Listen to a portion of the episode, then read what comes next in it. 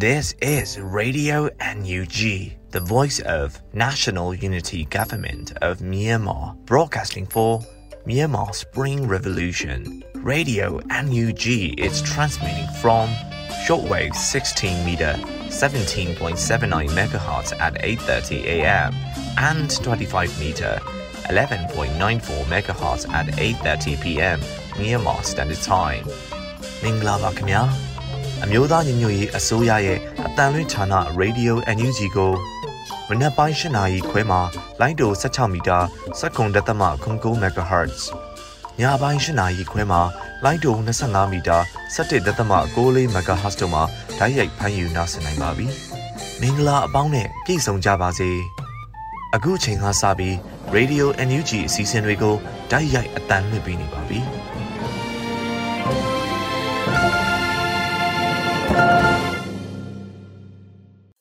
မြန်မာနိုင်ငံသူနိုင်ငံသားအပေါင်းတဘာဝပြီးစစ်အာဏာရှင်ဘေးတို့ကနေကင်းဝေးပြီးကိုစိတ်နှပြကျမ်းမာလုံခြုံကြပါစေလို့ရေဒီယိုအန်ယူဂျီဖွဲ့သားများကဆုတောင်းမြတ်တာပို့သလိုက်ရပါတယ်ရှင်ပထမဆုံးအနေနဲ့ကာကွယ်ရေးဝန်ကြီးဌာနရဲ့စစ်ရေးတရင်အချင်းချုပ်ကိုຫນွေဦးမောင်မှတင်ပြပေးမှာဖြစ်ပါတယ်ရှင်ယခုဆက်လက်ပြီးတင်ဆက်ပေးမှာကတော့ကာကွယ်ရေးဝန်ကြီးဌာနအမျိုးသားညီညွတ်ရေးအစိုးရမှထုတ်ဝေသော နိုင်စဉ်စည်ရေးတရင်အချင်းချုပ်ပဲဖြစ်ပါတယ်။စစ်ကောင်စီနဲ့တိုက်ပွဲဖြစ်ပွားမှုတရင်များကိုတင်ဆက်ပေးပါမယ်။ကချင်ပြည်နယ်ဖားကန့်မြို့နယ်တွင်ဇွန်လ9ရက်နေ့ကချင်ပြည်နယ်ဖားကန့်မြို့နယ်လဝါကျေးရွာနှင့်ဒွန်မန်ကျေးရွာကြားတွင်စစ်ကောင်စီတပ်ခလာရ86စစ်ကြောင်းကိုကချင်လွတ်လပ်ရေးတပ်မတော် KIA မှကြားဖြတ်တိုက်ခိုက်ခဲ့ရာထိခိုက်ကြဆုံးမသိရသေးကြောင်းသိရသည်။ချင်းပြည်နယ်ထန်တလန်မြို့နယ်တွင်ဇွန်လ6ရက်နေ့ချင်းပြည်နယ်ထန်တလန်မြို့နယ်ထန်တလန်မြို့တွင် ကင်းဆောင်တာဝန်ကျနေသော CDF ထန်တလန်မှရဲဘော်စလိုင်းဗန်လုံးဆောင်24နှစ်သည်ရန်သူကြီးထိမှန်ပြီးကြဆုံးသွားကြောင်းသိရသည်။စကိုင်းတိုင်းကတာမြို့နယ်တွင်ဇွန်လ9ရက်နေ့စကိုင်းတိုင်းကတာမြို့နယ်မိုးတာကျေးရွာမှထွက်လာသောစစ်ကောင်စီတမောနှစ်စီအားကတာမြို့နယ်ပခဖမှရှော့တိုက်တုံးနှလုံးဖြင့်ပြစ်ခတ်တိုက်ခိုက်ခဲ့ကြောင်းသိရသည်။တနင်္သာရီတိုင်းပလောမြို့နယ်တွင်ဇွန်လ6ရက်နေ့တနင်္သာရီတိုင်းပလောမြို့နယ်မင်းထိန်ရွာနဲ့ခမောင်းတောရွာအကြားတောကြီးမွေဟောက်တပ်ဖွဲ့မှ စစ်ကောင်စီတပ်ကား၈စီးပါရင်နှန်းအားမိုင်းဆွဲတိုက်ခိုက်ခဲ့ရာစစ်ကောင်စီတပ်သား10ဦးသေဆုံးနိုင်ပါသည်။မိုင်းဆွဲခံရသည့်စစ်ကောင်စီရင်နှန်းသည်တနင်္သာရီမြို့နယ်ဇဝဲရွာရှိခမာယ956တပ်ရင်းမှမွန်ပြည်နယ်သို့ရိတ်ခါအဖြစ်ဖြင့်တပ်ပြောင်းရွှေ့မိရင်နှန်းဖြစ်သည်။တိုက်ခတ်မှုပြီးနောက်တော်လန်ရေးရဲဘော်များအောင်မြင်စွာပြန်လည်ဆုတ်ခွာနိုင်ခဲ့ကြောင်းသိရသည်။မကွေးတိုင်းပေါင်းမြို့နယ်တွင်ဇွန်လ9ရက်နေ့မကွေးတိုင်းပေါင်းမြို့နယ်ကိုင်းနယ်ကျေးရွာရှိနယ်မြေရဲစခန်းတစ်ခုအား PDF စုပေါင်းတပ်များမှဝင်ရောက်စီးနင်းခဲ့ပြီးရဲစခန်းမှုရာစုမောင်နဲ့အဖွဲ့မှပြန်လည်ခုခံ၍တိုက်ပွဲပြင်းထန်ခဲ့သည်မနက်၈နာရီခန့်ကစစ်ကောင်စီတပ်မှတိုက်ခတ်ရေးစစ်ရဟတ်ရင်ဖြင့်လာရောက်ပစ်ခတ်ခဲ့သည်လေကြောင်းတိုက်ခတ်မှုကြောင့်ကိုင်းလေကျေးရွာအနီးနားရှိတရဖီရွာလဲလန်းရွာတီးချောက်ကျေးရွာမှပြည်သူများထွက်ပြေးနေရပြီးရဲစခန်းကိုသိမ်းပိုက်စဉ်ရဲတပ်သားတအူအရှင်ဖမ်းမိကြောင်းသိရသည်မကွေးတိုင်းစေတုတ်တရားမြို့နယ်တွင်ဇွန်လ9ရက်နေ့ မကွေးတိုင်းစေတုတ်တရားမြို့နယ်ဒုံချောင်းကျေးရွာနှင့်ထန်ခိုင်းကျေးရွာအကြားကင်းလှည့်လာသည့်စစ်ကောင်စီစိုက်ကယ်ဆယ်စီးအားစေတုတ်တရား SDY PDF နဲ့ PRA မကွေးပူးပေါင်းမဟာမိတ်အဖွဲ့မှကြားဖြတ်စောင့်ကြိုမိုင်းဆွဲတိုက်ခိုက်ခဲ့ရာလမ်းကြောင်းရှိပြေးစစ်ကောင်စီတပ်သားတို့တေဆုံးပြီးမိုင်းချောင်လုံးစစ်ကောင်စီတပ်မှရရှိသွားကြောင်းသိရသည်မန္တလေးတိုင်းနထိုးကြီးမြို့နယ်တွင် ဇွန်လ9ရက်နေ့မန္တလေးတိုင်းနထိုးကြီးမြို့နယ်ရှိကနာရဲစခန်းအားနထိုးကြီး People Defense Force အဖွဲ့မှလက်နက်ကြီးဖြင့်ဝင်ရောက်တိုက်ခတ်ခဲ့ရာအပြန်အလှန်ပစ်ခတ်မှုများဖြစ်ပွားခဲ့ပြီးစစ်ကောင်စီဘက်မှတိုက်ဆုံမှုများရှိနိုင်ကြောင်းသိရသည်။ရှမ်းပြည်နယ်ဖေကုံမြို့နယ်တွင်ဇွန်လ9ရက်နေ့ရှမ်းပြည်နယ်ဖေကုံမြို့နယ်မိုးပြဲနဲ့လွိုက်ကော်လမ်းမကြီးစောင်ကန်းရွာလမ်းစုံမှတဆင့်မိုးပြဲမြို့တဲသို့စစ်ကောင်စီအင်အား80ခန့်ဝင်ရောက်လာခဲ့ရာဒေသခံ PDF စုပေါင်းအဖွဲ့များနဲ့ထိတွေ့တိုက်ပွဲဖြစ်ပွားခဲ့သည်။ လွိုက်ကော်ရီကာတာဘက်မှလက်နက်ကြီးများနဲ့မိုးပြဲဘက်သို့15မိနစ်နိုင်ဝချားတစ်ချိန်ခန့်ရန်တမ်းပစ်ခတ်နေသဖြင့်ပြည်သူလူထုအများအပြားပိတ်မိနေပြီးနေအိမ်အချို့နဲ့ကရမ်းမယ်တက်စီဆိုင်မီးလောင်သွားကြောင်းသိရပါသည်။ရန်ကုန်တိုင်းလိုင်သာယာမြို့နယ်တွင်ဇွန်လ9ရက်နေ့ရန်ကုန်တိုင်းလိုင်သာယာမြို့နယ်အမှတ်15ရပ်ကွက်တောင်ကူလန်းနယ်ပြီးမုံနေလန်းထိပ်တွင်စစ်ခတ်မှုဖြစ်ပွားခဲ့ပြီးလမ်းသွားလမ်းလာအမျိုးသားတအူရင်ဘတ်ကြီးထိမှန်ပြီးလူငယ်တအူလည်းပေါင်လိုက်ကြီးထိမှန်ခဲ့ပါသည်။ အဆိုပါဖြစ်စဉ်နဲ့ဆက်ဆက်၍လူငယ်အချို့ဖမ်းဆီးခံထားရကြောင်းသိရသည်။ဆက်လက်ပြီးစစ်ကောင်စီစစ်အကြမ်းဖက်မှုများအကြောင်းကိုတင်ဆက်ပေးပါမယ်။စကိုင်းတိုင်း6ဦးမြို့နယ်တွင်ဇွန်လ9ရက်နေ့စကိုင်းတိုင်း6ဦးမြို့နယ်ရွှေလီကျေးရွာနှင့်ကံကြီးကုန်းကျေးရွာကြားကကံကြီးကုန်းကျေးရွာနေပြူစောထီးများမှပြည်သူ15ဦးအားဖမ်းဆီးခေါ်ဆောင်သွားခဲ့ပြီး2ဦးကိုပြစ်တက်ခဲ့ကြောင်းသိရသည်။စကိုင်းတိုင်းစကိုင်းမြို့နယ်တွင်ဇွန်လ9ရက်နေ့ စကိုင်းတိုင်းစကိုင်းမြို့နယ်စီတီရက်ကွက်မှပြည်သူ3ဦးအားစစ်ကောင်စီအရဲဝတ်များမှဖမ်းဆီးသွားခဲ့ကြောင်းသိရသည်။ပဲခူးတိုင်းပေါင်းတယ်မြို့နယ်တွင်ဇွန်လ4ရက်နေ့ပဲခူးတိုင်းပေါင်းတယ်မြို့နယ်ကုသိုလ်ဖြစ်စေခိုင်း၏အဖွဲ့ဝင်တဦးဖြစ်သူဦးစော်လွင်အားစစ်ကောင်စီမှဖမ်းဆီးခဲ့ပြီးတညတာချုံနှောင်စစ်ဆေး၍ပြန်လွတ်လာပြီးနောက်ပြန်လည်ဖမ်းဆီးခဲ့သည်ဥပဒေမဲ့ဖမ်းဆီးမှုများရှိနေသည့်အပြင်ဖမ်းဆီးခံရပြီး24နာရီမပြည့်ခင်မှာပင်တိတ်ဆုံးမှုများရှိနေသည့်အတွက်တိမ်းရှောင်နေကြရသူအများအပြားရှိနေကြောင်းသိရသည်။မွန်ပြည်နယ်ကြိုက်ထိုမြို့နယ်တွင် ဇွန်လ9ရက်နေ့မွန်ပြည်နယ်ကြိုက်ထိုမြို့နယ်အထက်စစ်တောင်းတရားအနီးတွင်စစ်ကောင်စီအမတ်တဲ့အသက်မွေးမှုတပ်ရင်းမှဗိုလ်ကြီးမျိုးမြင့်အောင်ဦးဆောင်သောအဖွဲ့သည်လိုင်စင်မဲ့ရင်အပါအဝင်ရင်အမျိုးမျိုးအားလုံခြုံရေးအကြောင်းပြဖမ်းဆီးပြီးနောက်ငွေကြေးအတင်းအဓမ္မတောင်းခံနေသည်။လိုင်စင်မဲ့ရင်များအားဒဇီးလင်ကျပ်သိန်း100မှ150ထိပေးဆောင်မှသာပြန်လွှတ်ပေးပါသည်။ထို့အပြင်လိုင်စင်ရှိလျင်များလည်းလုံခြုံရေးအကြောင်းပြစစ်ဆေးမှုများရှိနေပြီးစာရွက်စာတမ်းလိုအပ်ချက်ရှိပါကကျပ်1000မှ2000ထိတောင်းခံမှုများလှုပ်ဆောင်နေပါသည် ဖမ်းဆီးရမိသောကားများနှင့်တောင်းခံရရှိသောငွေများအားစစ်ကောင်စီတပ်ဖွဲ့ဝင်များသည်အောက်ခြေမှဗျူဟာမှုအဆင့်အထိအချိုးကျခွဲဝေယူနေကြကြောင်းသိရသည်မကွေးတိုင်းစောမြို့နယ်တွင်မေလ31ရက်နေ့မကွေးတိုင်းစောမြို့နယ်လောင်းရှည်ဒေသကပ္ပစာ25မှစစ်ကောင်စီတပ်သားအင်အား60ခန့်သည်စီမီရွာထဲသို့ဝင်ရောက်မွေးနှောက်ပြီးလူငယ်အမျိုးသား3ဦးအမျိုးသမီး2ဦးနဲ့တပိတ်စစ်ကြောင်းများတွင်ဥဆောင်လှုပ်ရှားခဲ့သောစောမြို့ပြည်သူ့စေယုံမှ ကြီးကြပ်နှစ်ရာသူ CDM ကျမ်းမာရေးဝန်ထမ်းတို့အပါအဝင်စုစုပေါင်းပြည်သူ9ဦးတို့အားဖမ်းဆီးခဲ့ပြီး CDM ဝန်ထမ်းဖြစ်သူမှာစစ်ကြောရေးတွင်တေဆုံးခဲ့၍ချက်ချင်းမြေမြုပ်အလောင်းဖြောက်လိုက်ကြောင်းသိရသည်။မကွေးတိုင်းထီးလင်းမြို့နယ်တွင်ဇွန်လ6ရက်နေ့မကွေးတိုင်းထီးလင်းမြို့နယ်စင်းဆယ်ကျေးရွာသို့စစ်ကောင်စီကားနှစ်စီးဖြင့်တံမိုးရှိပစ္စည်းများရိတ်ခါများကိုခိုးယူကာနေအိမ်များကိုမိရှို့သွားခဲ့သည်။အဆိုပါကားနှစ်စီးမှာကံကောမှကျောသို့ပြန်ထွက်ခွာလာသော စစ်ကောင်စီကား54စီးပါသည့်စစ်ကောင်စီတပ်ဖွဲ့မှဖြစ်ပါသည်လမ်းဘေးတောများမှလူနေတဲများအားလက်နက်ကြီးဖြင့်ထုခြင်းနှင့်မိရှို့ခြင်းများလှုပ်ဆောင်ခဲ့ပါသည်မိရှို့မှုကြောင့်စဘာတင်း900ကျော်တူလောင်ထားသည့်တဲတလုံးအပါအဝင်နေအိမ်12လုံးမိလောင်ပျက်စီးခဲ့ကြောင်းသိရသည်မကွေးတိုင်းမင်းဘူးမြို့နယ်တွင်ဇွန်လ6ရက်နေ့မကွေးတိုင်းမင်းဘူးမြို့နယ်အခြေခံပညာကျောင်းသားတက်မကအလုပ်အမှုဆောင်အဖွဲ့ဝင်2ဦးဖြစ်သူကိုပိုင်ခွန်းတာနဲ့ ကိုသူရတပ်ဖုံးရှန်တို့အားမင်းဘူးမြို့နယ်တရားရုံး၌စစ်ကောင်စီမှထောင်ဒဏ်3နှစ်ချမှတ်ခဲ့ပြီးမန္တလေးလူငယ်အကျဉ်းထောင်သို့ပို့ရန်စီစဉ်ချက်ချမှတ်ခဲ့ကြောင်းသိရသည်။မကွေးတိုင်းပခုတ်ကူမြို့နယ်တွင်ဇွန်လ3ရက်နေ့မကွေးတိုင်းပခုတ်ကူမြို့နယ်ပခုတ်ကူမြို့အမှတ်6ရပ်ကွက်ရှိစစ်ကောင်စီစစ်ဆေးရေးဂိမ်း၌ပခုတ်ကူသို့ဈေးဝယ်လာသောရိုင်မြို့နယ်တောင်ရွာကျေးရွာမှကိုကျော်တက်ခိုင်နှင့်ပိုက်တင်ကျေးရွာမှကိုမုံမင်းတို့ကိုစစ်ကောင်စီတပ်မှ BDF ဟုဆွဆွဲဖမ်းဆီးပြီးပခုတ်ကူမြို့မှရဲစခန်းစစ်ကြောရေးသို့ပို့ဆောင်ထားခဲ့ရာ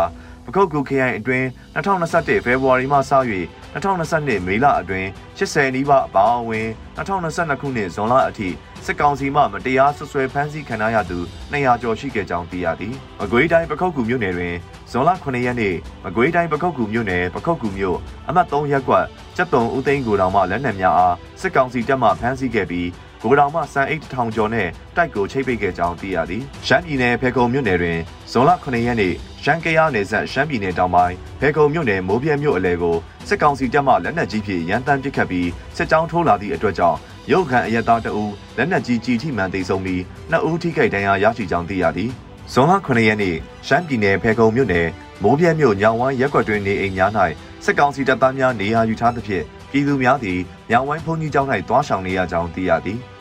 ရန်ကုန်တိုင်းတွင်ဇွန်လ9ရက်နေ့ရန်ကုန်တိုင်းအင်းစိန်အကျဉ်းထောင်တွင်ဒေသဘေးခံထားရသောကိုစေရသောကိုချင်းမီအပါအဝင်၄ဦးကိုဝတ်စုံလိမ်မော်ရောင်ယူနီဖောင်းဝတ်စုံပြောင်းဝတ်ခိုင်းပြီးတီးတန့်ခွဲထား၍နေစဉ်ကိုအလေးချိန်ချိန်ချင်းကျမ်းမာရေးစစ်ဆေးမှုများပြုလုပ်နေသည်တရားရုံး၌ဒေသကြအကျဉ်းသားတရားကျော်ရှိသည့်အနက်အဆိုပါ၄ဦးသာအယူခံရှုံးပြီးစစ်ကောင်စီမှတရားဝင်စာပို့ထားပြီးဖြစ်ကြောင်းသိရသည်ရခိုင်ပြည်နယ်ရမ်းပြဲမြို့နယ်တွင်ဇွန်လ6ရက်နေ့ရခိုင်ပြည်နယ်ရမ်းပြဲမြို့နယ် ရမ်းပြဲမြို့အမှတ်2ရပ်ကွက်ရှိရဲလိုင်းတန်းတွင်မိသားစုနှင့်နေထိုင်သည့်ရဲထူးတက်ချက်ဟောင်းတဦးဖြစ်သူဦးအောင်ထွန်းထွန်း52နှစ်သည်ဇနီးဖြစ်သူရင်ဆိုင်နေရသည့်အမှုအတွက်ရန်ပြဲမြို့နယ်တရားရုံးသို့တွားရောက်စုံစမ်းရာမြို့နယ်တရားသူကြီးဦးထွန်းထွန်းမြန်၏ရိုက်နှက်ခြင်းကိုခံခဲ့ရပြီးအများပြည်သူငြိမ်ဝှက်ပြပြမှုကိုထိခိုက်စေသည့်ပုံမှန်61ခအရထောင်နလချမှတ်ခံခဲ့ရကြောင်းသိရသည်ရခိုင်ပြည်နယ်ကြောက်ဖြူမြို့နယ်တွင်ဇွန်လ6ရက်နေ့ရခိုင်ပြည်နယ်ကြောက်ဖြူမြို့နယ်ရခိုင်တပ်တော် AA အတွက် ရန်ပုံငွေကောက်ခံပေးသည်ဟုဆွဆွဲချက်ဖြင့်ဖမ်းဆီးခံရသောကြောက်ဖြူမြို့ဇေဒီတောင်ရက်ကွက်မှဦးတန်းလိုင်42နှစ်နဲ့ဒေါခင်အုံးနွယ်56နှစ်တို့ကိုကြောက်ဖြူမြို့မှရဲစခန်း၌ထိန်းသိမ်းထားပြီးရပ်ပေါင်း30ကျော်ကြာသည့်တိုင်မိသားစုဝင်များနဲ့တွေ့ခွင့်မရသေးကြောင်းသိရသည်။ရခိုင်ပြည်နယ်အမ်းမြို့နယ်တွင်ဇွန်လ9ရက်နေ့ရခိုင်ပြည်နယ်အမ်းမြို့နယ်အမ်းတောင်ကုတ်အဝေးပြေးကားလမ်းပေါ်အနောက်ပိုင်းတိုင်းစစ်ဌာနချုပ်နီးတမိုင်ကုန်းစစ်ဆေးရေးဂိတ်တွင်စစ်ကောင်စီတပ်သား10ဦးလုံခြုံရေးယူထားသည်။ စံရိတ်ခါများလည်းတည်ယူခွင့်မပြု၍ကားသမားများကိုလည်းဆဲဆိုကာနေစဉ်အရက်ဘီယာများဝယ်ခိုင်းနေကြောင်းသိရသည်။အေယာဝတီတိုင်းမြောင်းမြမြို့နယ်တွင်ဇွန်လ9ရက်နေ့အေယာဝတီတိုင်းမြောင်းမြမြို့နယ်မြောင်းမြမြို့၌ရခိုင်ရက်များတွင်စစ်ကောင်စီမှဖမ်းဆီးသွားသော NLD လွတ်တော်ကိုယ်စားလှယ်ဟောင်းနှင့်စီမင်းသားယာရေးကော်မတီဝင်အဟောင်းတို့အနက်လွတ်တော်ကိုယ်စားလှယ်ဦးသက်စောဝင်းမှာအာမခံတဲ့ဦးအာမခံချက်ဖြင့်ရန်လည်လွတ်မြောက်လာခဲ့ပြီးကျန်တဲ့ဦးမှာယခုအချိန်ထိမလွတ်မြောက်သေးကြောင်းသိရသည်အေယာဝတီတိုင်းပသိမ်မြို့နယ်တွင် ဇွန်လ9ရက်နေ့အေယာဝတီတိုင်းပသိမ်မြို့နယ်ပသိမ်မြို့ကမ်းလျားကျောင်းအတွင်းမိုင်းတဲတာဝါတိုင်းစောင့်နေသည့်စစ်ကောင်စီတပ်သားများနှင့်စစ်ကောင်စီလက်အောက်ခံရဲများသည်မနက်ပိုင်းဈေးဝယ်သွားသောပြည်သူများထံမှဝေတောင်းခံမှုရှိကြောင်းသိရသည်ယခုတင်ဆက်ပေးခဲ့တာကတော့အမျိုးသားညီညွတ်ရေးအစိုးရကာကွယ်ရေးဝန်ကြီးဌာနမှနိုင်စဉ်ထုတ်ဝေသောနိုင်စဉ်စည်ရေးသတင်းအကျဉ်းချုပ်ပဲဖြစ်ပါတယ်ကျွန်တော်ကတော့ຫນွေဦးမောင်ပါခင်ဗျာ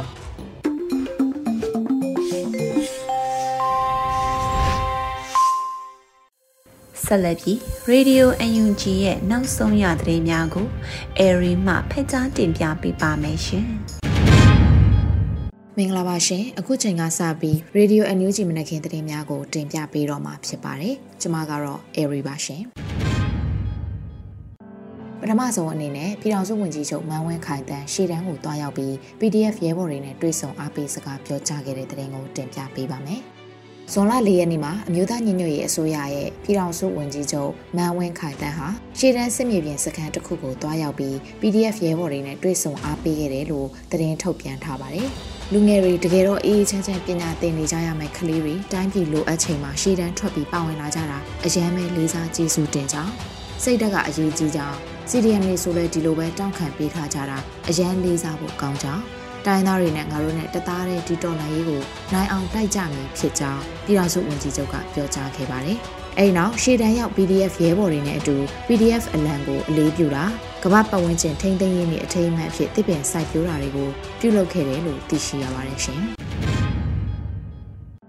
ဆက်လက်ပြီးဆုံးရှုံးနစ်နာရမှုတွေအတွက်အကောင်းဆုံးအဖြေရှာနိုင်မယ့်နည်းလမ်းကတော့အကြမ်းဖက်သမားတွေကိုအမြန်ဆုံးနှီးကုံချုပ်နိုင်ဖို့ပဲလို့ပြည်ထောင်စုဝန်ကြီးချုပ်ကပြောကြားခဲ့တဲ့သတင်းကိုတင်ပြပေးပါောင်းမယ်။ဇွန်လ9ရက်နေ့အမျိုးသားညီညွတ်ရေးအစိုးရရဲ့58ကြိမ်မြောက်အစိုးရအဖွဲ့အစည်းအဝေးကျင်းပရာမှာပြည်ထောင်စုဝန်ကြီးချုပ်မန်ဝင်းခိုင်တန်းက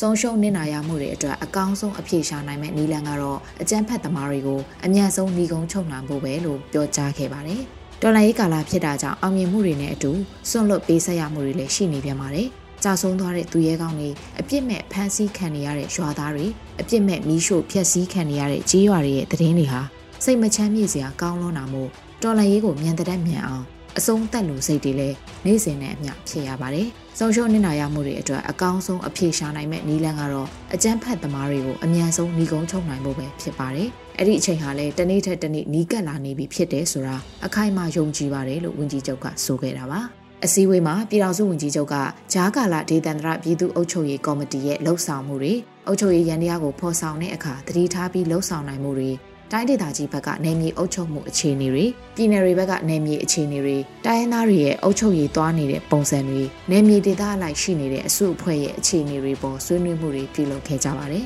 ။မြေသားညီညွတ်ရေးအစိုးရရဲ့58ကြိမ်မြောက်အစိုးရအဖွဲ့အစည်းအဝေးကိုယာယီသမရဒူဝါလက်ရှိလာပြည်ထောင်စုဝန်ကြီးချုပ်မန်ဝင်းခိုင်တန်းတို့အပါအဝင်ပြည်ထောင်စုဝန်ကြီးတွေနဲ့ဒုတိယဝန်ကြီးတွေတက်ရောက်ခဲ့ကြတယ်လို့သတင်းရရှိပါတယ်ရှင်။ ဆက်လက်ပြီးဂျားကာလာမှာတိုင်ကြားထားတဲ့ခိုးမှုလူရဲမှုနဲ့အမျိုးသမီးတွေပေါ်အကြမ်းဖက်မှုတွေပေါ်ရဲလုပ်ငန်းစဉ်စတင်တော့မယ်လို့ပြည်ထရေးဝန်ကြီးပြောကြားလိုက်တဲ့သတင်းကိုတင်ပြပေးပါမယ်။ဂျားကာလာအတွင်းမှာတိုင်ကြားထားတဲ့ခိုးမှုလူရဲမှုတွေနဲ့အမျိုးသမီးတွေပေါ်အကြမ်းဖက်မှုတွေပေါ်ရဲလုပ်ငန်းစဉ်စတင်တော့မယ်လို့ ပြည်ထရေးဝန်ကြီးဦးလွင်ကိုလက်ကအတိပေးပြောကြားလိုက်ပါတယ်။ NUG ရဲ့အုပ်ချုပ်မှုနယ်မြေတွေကိုစတင်တည်ထောင်နေပြီဖြစ်ပါတယ်။ကျွန်တော်တို့အုပ်ချုပ်မှုစတင်တည်ထောင်တဲ့နယ်မြေတွေမှာပြည်သူလူထုရဲ့အသက်အိုးအိမ်နဲ့ပတ်သက်တဲ့လုံခြုံမှုကိုတာဝန်ယူဖို့ဖြစ်ပါတယ်။ဂျားထဲမှာဖြစ်ပေါ်တဲ့ခိုးမှုတွေလူရဲမှုတွေအမျိုးသမီးတွေအပေါ်မှာအကြမ်းဖက်မှုတွေကအခုလဲတိုင်ကြားမှုတွေရှိပါတယ်။ဒါတွေကိုအကာအကွယ်ပေးနိုင်မှုအတွက်တရားဥပဒေစိုးမိုးရေးဆိုင်ရာကိစ္စရပ်တွေကိုကာကွယ်ပေးနိုင်မှုအတွက်လှုံ့ဆော်နေတာဖြစ်ပါတယ်လို့ဝန်ကြီးကဆိုပါတယ်။ အမျိုးသားညီညွတ်ရေးအစိုးရပြည်ထရေးဝန်ကြီးဌာနကိုစစ်ကောင်စီတပ်နဲ့၎င်းတို့ရဲ့လက်အောက်ခံအဖွဲ့အစည်းတွေကျူးလွန်မှုကြောင့်နစ်နာသူပြည်သူတွေကတိုင်ကြားထားတဲ့အမှုပေါင်း400ကျော်ရှိတယ်လို့သိရပါတယ်။ဇွန်လ9ရက်နေ့မှာအမိန့်ကြေညာစာအမှတ်12မြင်းဆောင်2022နဲ့ပြည်သူ့ရဲတပ်ဖွဲ့ကိုနိုင်ငံတော်ယာယီသမ္မတဒိုဝါလက်ရှိလာကဖွဲ့စည်းလိုက်ပါတယ်။ပြည်သူ့ရဲတပ်ဖွဲ့ကို CDM ရဲတွေအပါအဝင်ပြည်သူ့ကာကွယ်ရေးတပ်ဖွဲ့တွေကပါအားဖြည့်ကူညီဆောင်ရွက်မယ်လို့သိရှိရပါတယ်ရှင်။ အခုတခါစစ်ကောင်စီရဲ့လူမျိုးတုံးတပ်ဖြတ်မှုတွေကိုအမြန်ဆုံးအရေးယူနိုင်မှုကဘာကိုပြောပြနေတယ်လို့လူခွင့်ရေးရာဝန်ကြီးပြောဆိုလိုက်တဲ့သတင်းကိုလည်းတင်ပြပေးပါဦးမယ်။ NST ကစီစဉ်တဲ့ NUG မှမိဘပြည်သူများတို့အစည်းအဝေးမှာလူခွင့်ရေးရာဝန်ကြီးဦးအောင်မျိုးမင်းကစစ်ကောင်စီရဲ့လူမျိုးတုံးတပ်ဖြတ်မှုတွေကိုအမြန်ဆုံးအရေးယူနိုင်မှုကဘာကိုပြောပြနေတယ်လို့ပြောကြားခဲ့ပါတယ်။ ယူကရိန်းနဲ့ပတ်သက်ပြီးကုလသမဂ္ဂမှာအရေးယူဆောင်ရွက်မှုတွေတကယ်ကိုထိရောက်တဲ့ပံ့ပိုးကူညီမှုတွေရှိတယ်။အဲဒါကြောင့်မို့ယူကရိန်းနဲ့ထပ်တူနေပါချိုးဖောက်ခံနေရတဲ့အကြမ်းဖက်ခံနေရတဲ့မြန်မာပြည်ကိုလည်းကမ္ဘာကမမေ့မလျော့ပဲအရေးယူဆောင်ရွက်နိုင်မှုအထူးစ조사နေပါတယ်။အများဆုံးအရေးယူနိုင်အောင်အထူးစ조사အားထုတ်ပြီးကမ္ဘာကိုပြောပြနေပါတယ်လို့ဝန်ကြီးကဆိုပါတယ်။စစ်ကောင်စီဟာဖရူဆိုမြို့မှာလူအစုလိုက်အပြုံလိုက်မီးရှို့တပ်ဖြတ်မှုကိုကျူးလွန်ခဲ့ပြီးရေဦးမြို့နယ်မုံတိုင်ပင်ရွာကရက်သားတွေကိုတပ်ဖြတ်မှုကိုလည်းကျူးလွန်ခဲ့တာဖြစ်ပါတယ်ရှင်။ ဆက်လက်ပြီးအင်္ဂပူမြို့နယ်ထူးကြီးမြို့ရွှေတောင်ရဲစခန်းကရဲတပ်သားတအူ Justice Soldier PDF အဖွဲ့ထံခိုလုံခဲ့တဲ့တဲ့တင်ကိုတင်ပြပေးပါမယ်။ဇွန်လ9ရက်နေ့မှာအင်္ဂပူမြို့နယ်ထူးကြီးမြို့ရွှေတောင်ရဲစခန်းမှရဲတပ်သားတအူ Justice Soldier PDF အဖွဲ့ထံကိုခိုလုံလာတယ်လို့သတင်းထုတ်ပြန်ခဲ့ပါတယ်။အင်္ဂပူမြို့နယ်ထူးကြီးမြို့ရွှေတောင်ရဲစခန်းမှရဲတပ်သားမြင့်အောင်သည် Justice Soldier PDF အဖွဲ့ထံ CDM ဝင်ရောက်လာရာ JS အဖွဲ့မှကြိုးဆိုလက်ခံခဲ့ပါတယ်။ CDM ရဲတပ်သားအတွက် JS အဖွဲ့မှ ထိုင်းဘတ်2000ထောက်ပံ့ကူညီခဲ့ပါတယ်လို့ဆိုပါတယ်။အဆိုပါရဲတပ်သားမြင့်အောင်ဟာအခုအခါလွတ်မြောက်နေမည်တနေရာမှာလုံခြုံစွာနေထိုင်လျက်ရှိနေတယ်လို့သတင်းရရှိပါတယ်ရှင်။ဆက်လက်ပြီးတန်တောင်မြို့73မိုင်စစ်ကောင်စီတပ်စခန်းအတွင်းမှာရှိတဲ့စစ်ကောင်စီအရာရှိတအုပ်ကိုတန်တောင် PDF ကစနိုက်ပါနဲ့ပစ်ခတ်ပြီးတေဆုံးသွားခဲ့တဲ့တဲ့တင်ကိုတင်ပြပေးပါမယ်။ ဇွန်လ9ရက်နေ့မနက်9နာရီမိနစ်50အချိန်မှာတန်တောင်မြို့73မိုင်စစ်ကောင်စီတပ်စခန်းအတွင်းမှာရှိတဲ့စစ်ကောင်စီအရာရှိတအူးကို People's Defense Force တန်တောင်ကစနိုက်ပါနဲ့ပစ်ခတ်ခဲ့တယ်လို့သိရှိရပါတယ်။ယနေ့2022ခုနှစ်ဇွန်လ9ရက်နေ့မနက်9နာရီ50ခန့်အချိန်တွင်တန်တောင်မြို့73မိုင်စစ်ကောင်စီတပ်စခန်းအတွင်းတွင်ရှိသောစစ်ကောင်စီအရာရှိတအူးအားကျွန်တော်တို့ People Defense Force မှစနိုက်ပါဖြင့်ငရဲသို့ပို့ဆောင်နိုင်ခဲ့ပါတယ်လို့ဆိုထားပါတယ်။အဆိုပါတိတ်ဆုံးသူကတော့ ဒုတက်ရဲမှုဒါမှမဟုတ်ဒုတက်ခွဲမှုဖြစ်နိုင်တယ်လို့လည်းဖော်ပြထားပါတယ်။စစ်ကောင်စီဘက်ကရဲရွာအတွင်းလှည့်ပတ်ပြီးတရားမဝင်စစ်ဆေးမှုတွေနဲ့တနက်တွေပြစ်ဖောက်တာတွေအစရှိတဲ့အကြမ်းဖက်လုပ်ရက်တွေကိုလှုံ့ဆော်နိုင်တဲ့အတွက်မိဘပြည်သူတွေအနေနဲ့တတိရှိစွာနဲ့နေထိုင်သွားလာကြဖို့ People Defense Force တန်တောင်ကထုတ်ပြန်ထားပါတယ်ရှင်။အခုတခါຫນွေဦးညီနောင်အဖွဲ့ကအဝေးပြစ် short တိုက်ထုံစမ်းသက်ထုတ်လုပ်အောင်မြင်ခဲ့တဲ့တဲ့တင်ကိုတင်ပြပေးပါမယ်။ ဇွန်လ9ရက်နေ့မှာအာနာရှင်တော်လှန်ရေးပြည်သူ့တပ်မတော်တပ်မဟာ1တပ်ရင်း1တပ်ခွဲ1ຫນွေဦးညီနောင်အဖွဲ့ကနေအဝေးပစ် short တိုက်တုံးထုတ်လုပ်အောင်မြင်ကြောင်းစမ်းသပ်ပစ်ခတ်ပြခဲ့ပါတယ်။အဆိုပါ short တိုက်တုံးလက်နက်ဟာအသုံးပြုတဲ့ရန်ပေါ်မူတည်ပြီး2မိုင်ကနေ3မိုင်လောက်အထိအကွာအဝေးကိုရောက်ရှိနိုင်တယ်လို့သိရှိရပါတယ်။ဆက်လက်ပြီးတော့လည်းပုံမှုအဆင့်မြင့်တဲ့ဒုံးလက်နက်တွေကိုတီထွင်ကြံစထုတ်လုပ်သွားမှာဖြစ်တယ်လို့ DRPA ကထုတ်ပြန်ထားပါတယ်ရှင်။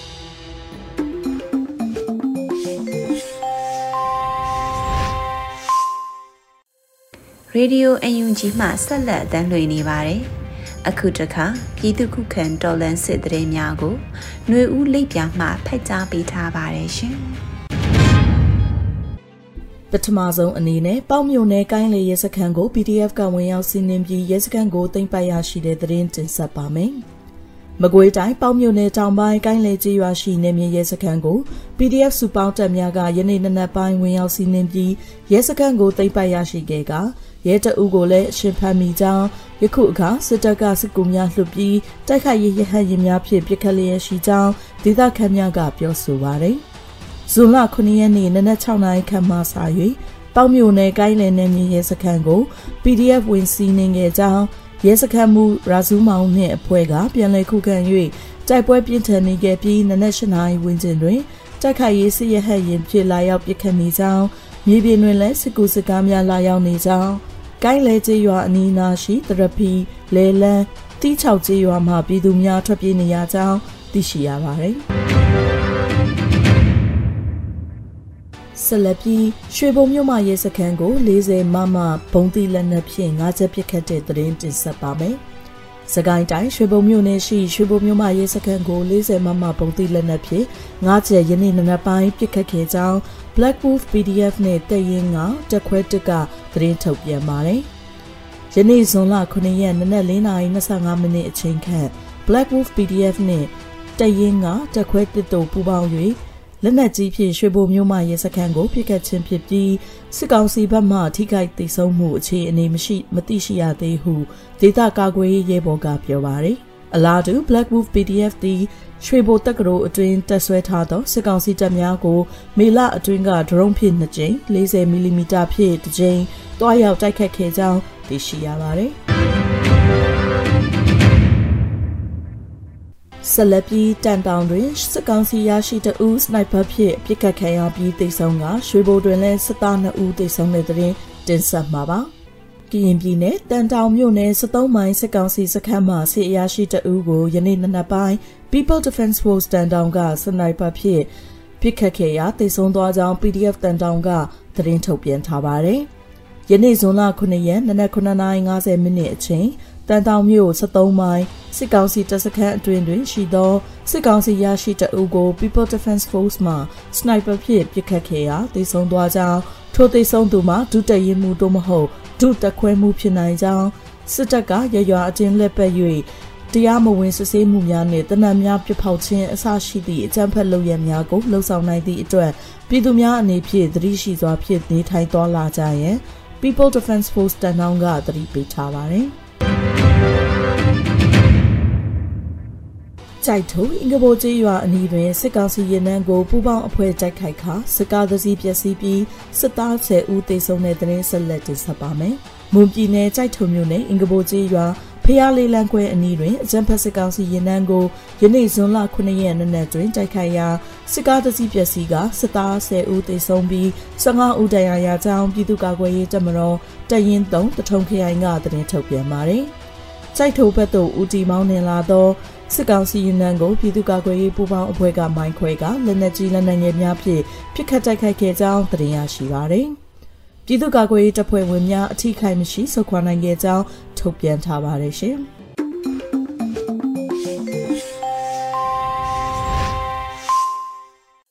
ရေဒီယိုအန်ယူဂျီသောတာရှင်များရှင် PVTV ရဲ့နေ့စဉ်သတင်းများကိုတော့ထထအင်ဒရာအောင်မှဖက်ကြားတင်ပြပေးထားပါတယ်ရှင်။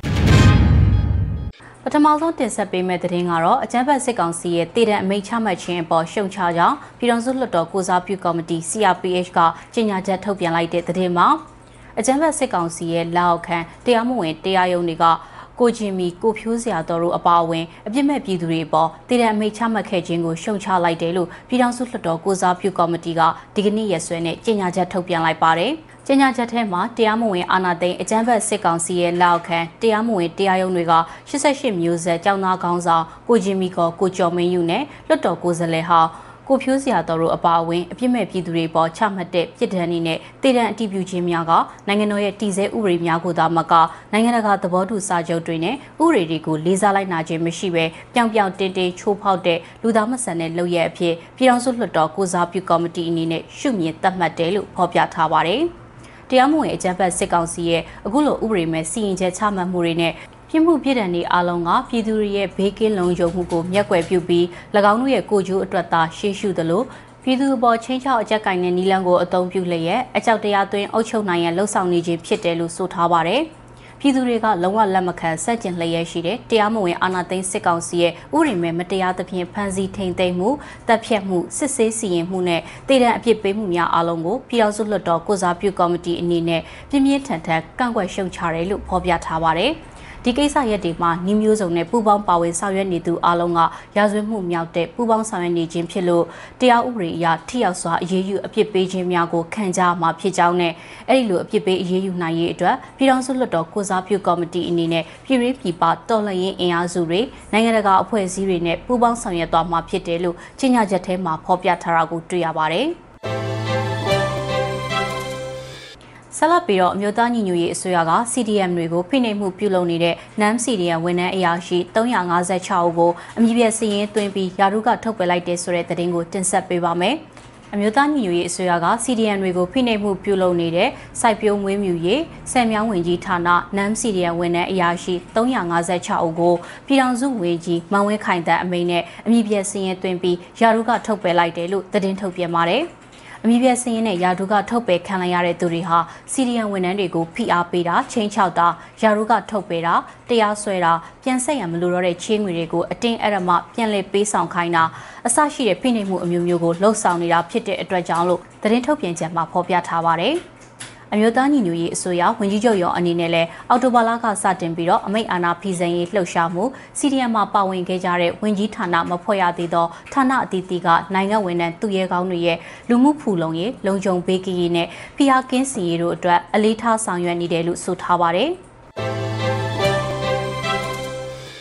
ဆက်လက်တင်ဆက်ပေးမှာကတော့ပြည်သူတွေတရားမျှတမှုရရှိစေရေးအတွက် NUCC က Federal Democracy Brain ညံနဲ့အညီအသွင်ကူးပြောင်းရေးကာလတရားမျှတမှုဆိုင်ရာမူဝါဒတွေချမှတ်လှုံ့ဆော်မယ်ဆိုတဲ့သတင်းမှာ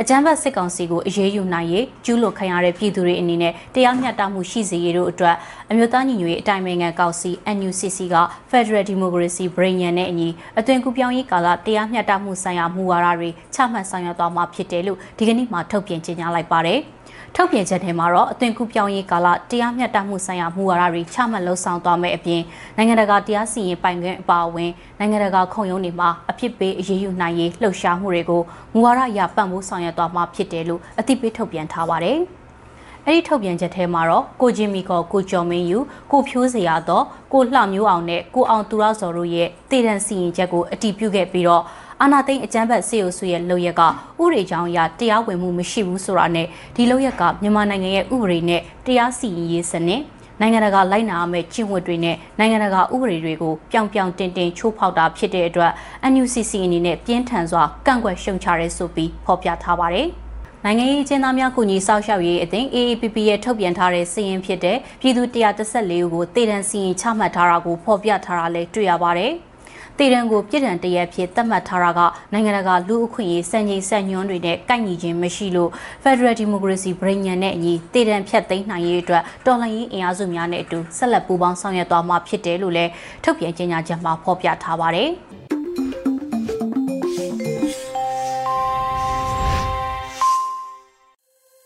Radio UNG မှဆက်လက်တမ်းလွှင့်နေပါတယ်။အခုတစ်ပတ် မြင့်မင်းသားရေးသားထားတဲ့နိုင်ငံပြောက်သူသုံးလို့အမည်ရှိတဲ့ကြပြားကိုကျော်ຫນွေဦးမှရွတ်ဆိုတင်ဆက်ပေးမှာဖြစ်ပါတယ်ရှင်။နိုင်ငံပြောက်သူသို့မဟုတ်နိုင်ငံပြောက်သူဆိုတာကြေကွဲစရာတသက်ပြဖြစ်သွားတဲ့ secret တွေမဟုတ်ဝိညာဉ်လှခြင်းလက်ပြတန့်ခြင်းတမိုင်းကြောင်ကောင်းခြင်းတွေနဲ့ထုံမွန်းတဲ့ခိတခိရဲ့မြစ်တစင်းမဆိုနဲ့တဲ့ နှုတ်ဖျားကဆိုချလိုက်တိုင်းနှလုံးသားကငိုရလို့ပါအမေအိမ်ဆိုတဲ့တခြင်းလေးဟာဟိုးနှစ်ပေါင်းများစွာကလေးကတောတောင်တွေထဲမှာထောင်နှံရံတွေအတွင်းမှာရှိနှင့်နေခဲ့တာဆယ်စုနှစ်သုံးခုအကျော်မှာမှလူငယ်တွေနဲ့အတူကြေကွဲစွာစုံကြီးနေရပြန်ပြီမျက်ရည်တွေနဲ့တီဆိုခြင်းကဒီတစ်ခါနောက်ဆုံးဖြစ်ရစီမယ်ဒါပေမဲ့အောင်မွဲခံတဲ့တရက်မှာတော့အမေအိမ်တချင်းကိုအ ခောက်ခောက်အခါခါတီဆိုအောင်မယ်အကြီးအပြုံးတွေနဲ့ပေါ့တေသူတွေတေလျက်နဲ့ရှင်းနေချိန်မှာရှင်သူတွေရှင်လျက်နဲ့တေးနေကြတယ်မင်းကရောဘယ်ဘဝထဲမှာလဲအရှုံးမပေးနဲ့တဲ့ဘယ်တော့မှမပေးခဲ့ပါဘူးနတ်မောင်သပင်များမှသည်တကောင်းလုံးဖြူဖွေးသည့်အထိအမှန်တရားအတွက်ဆိုအရှုံးပေးတဲ့ရက်ဆွဲငါတို့ပြက်ကလေးထဲမှာမရှိခဲ့ဘူးတောင်းတယောက်နိုင်ငံပျောက်နေတယ်ပိုင်ဖြိုးသူ နိုင်ငံပျောက်နေတယ်ခွေးကလေးနိုင်ငံပျောက်နေတယ်မင်းတို့ငါတို့အားလုံးနိုင်ငံပျောက်နေတယ်ဒါပေမဲ့ချစ်ချင်းစာနာခြင်းဖေးမခြင်းတွေနဲ့လောကပါလာတရားအောက်ယုံကြည်ချက်ခိုင်မာတဲ့ကဘာတစ်ဖက်မှာငါတို့အတူရှိနေတယ်ဟုတ်တယ်ຫນွေဦးနိုင်မဲ့ကဘာတစ်ဖက်မှာငါတို့အတူရှိနေတယ်မြင့်မင်းတာဒီကနေ့ကတော့ဒီညနေပဲ Radio NUG ရဲ့အစည်းအဝေးတွေကိုခਿੱတရရနိုင်ပါမယ် မြန်မာစံတော်ချိန်မနက်၈နာရီခွဲနဲ့ည၈နာရီခွဲအချိန်တွေမှာပြန်လည်ဆုံးဖြတ်ကြပါစို့ Radio NUG ကိုမနက်ပိုင်း၈နာရီခွဲမှာလိုင်းဒို16မီတာစက္ကန့်တသမ9 MHz ညပိုင်း၈နာရီခွဲမှာလိုင်းဒို25မီတာ17.6 MHz တို့မှာဓာတ်ရိုက်ဖန်ယူနားဆင်နိုင်ပါပြီမြန်မာနိုင်ငံသူနိုင်ငံသားများကိုယ်စိတ်နှပြကျန်းမာချမ်းသာလို့ဘေးကင်းလုံခြုံကြပါစေလို့ Radio NUG အဖွဲ့သူအဖွဲ့သားများကဆုတောင်းလိုက်ရပါတယ်။အမျိုးသားညီညွတ်ရေးအစိုးရရဲ့စက်သွေးရေးတရင်အချက်အလက်နဲ့ဤပညာဝန်ကြီးဌာနကထုတ်လွှင့်နေတဲ့ Radio NUG ဖြစ်ပါတယ်။ San Francisco Bay Area အခြေစိုက်မြန်မာမိသားစုများနဲ့နိုင်ငံတကာကစေတနာရှင်များလှုပ်အားပေးများရဲ့ Radio NUG ဖြစ်ပါတယ်။အရေးတော်ပုံအောင်ရမည်